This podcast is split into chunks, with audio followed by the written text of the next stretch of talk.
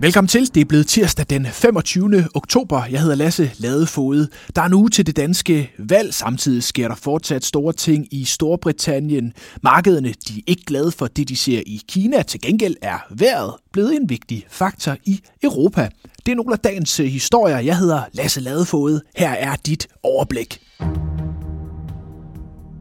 Der er altså en uge til det danske valg, og øh, de røde partier, inklusiv Socialdemokraterne, har været inde i en øh, god periode i målingerne og er ifølge meningsmålingerne tæt på at kunne bevare flertallet. Meget tyder dog på, at Lars Løkke Rasmussens parti Moderaterne får øh, de afgørende mandater. Og statsminister Mette Frederiksen har da også meldt ud, at man går efter at danne en regering hen over midten. Men den idé har ikke helt fat hos øh, Socialdemokraterne. Selv det er vores tophistorie i børsen i dag.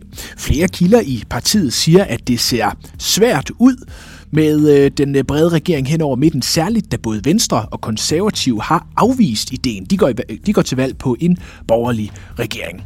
Du kan læse meget mere om det i børsen i dag tophistorien hos Jyllandsposten Finans, som skriver, at øh, flere kapitalfonde har haft øh, held til at rejse store beløb i år, til trods for den store økonomiske usikkerhed, som også har sat sig i markederne. Aktierne og obligationerne er som bekendt faldet tungt i år. Mange vækstvirksomheder har haft svært ved at rejse kapital. Men for eksempel hos Nordic Capital, en øh, kapitalfond, der øh, er man gået imod strømmen og har rejst 67 milliarder kroner på øh, 9 måneder, skriver Finans. Det er, den, det er det største beløb i øh, Europa i år. Også andre fonde har rejst øh, store beløb, fordi at der muligvis kan være billige virksomheder, man kan købe op i det usikre miljø.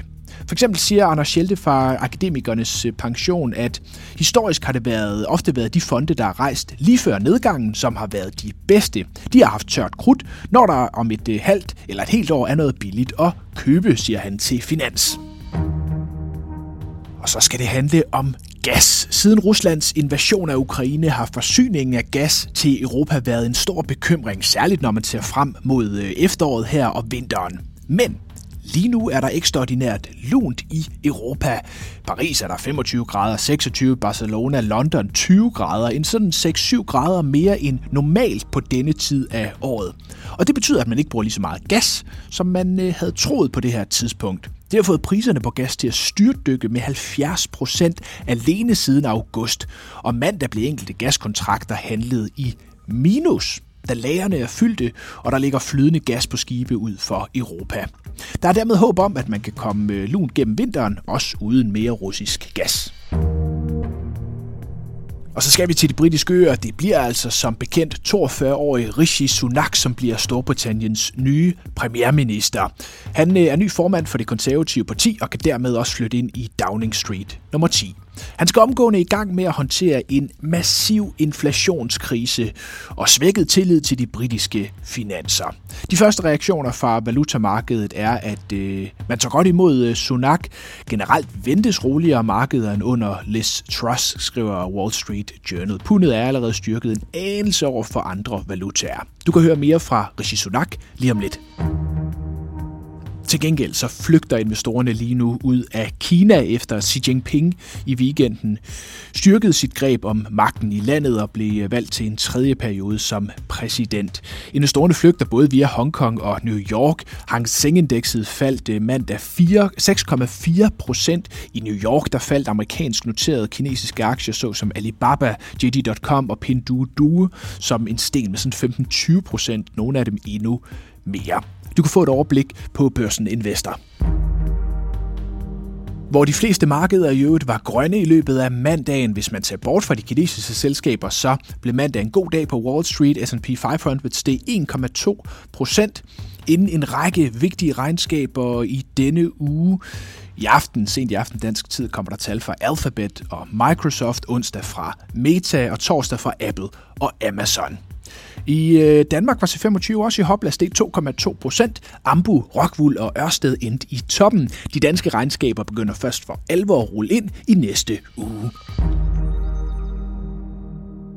Og vi slutter altså undtagelsesvis i dag ikke med den danske valgkamp, for der sker som bekendt så vilde ting i britisk politik, at man dårligt kan se væk uden at misse et dramatisk plot twist.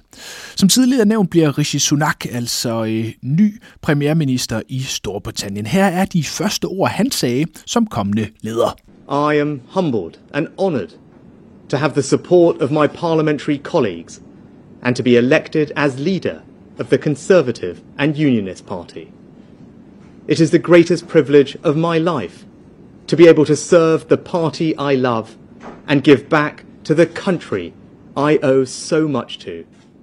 The United Kingdom is a great country, but there is no doubt we face a profound economic challenge.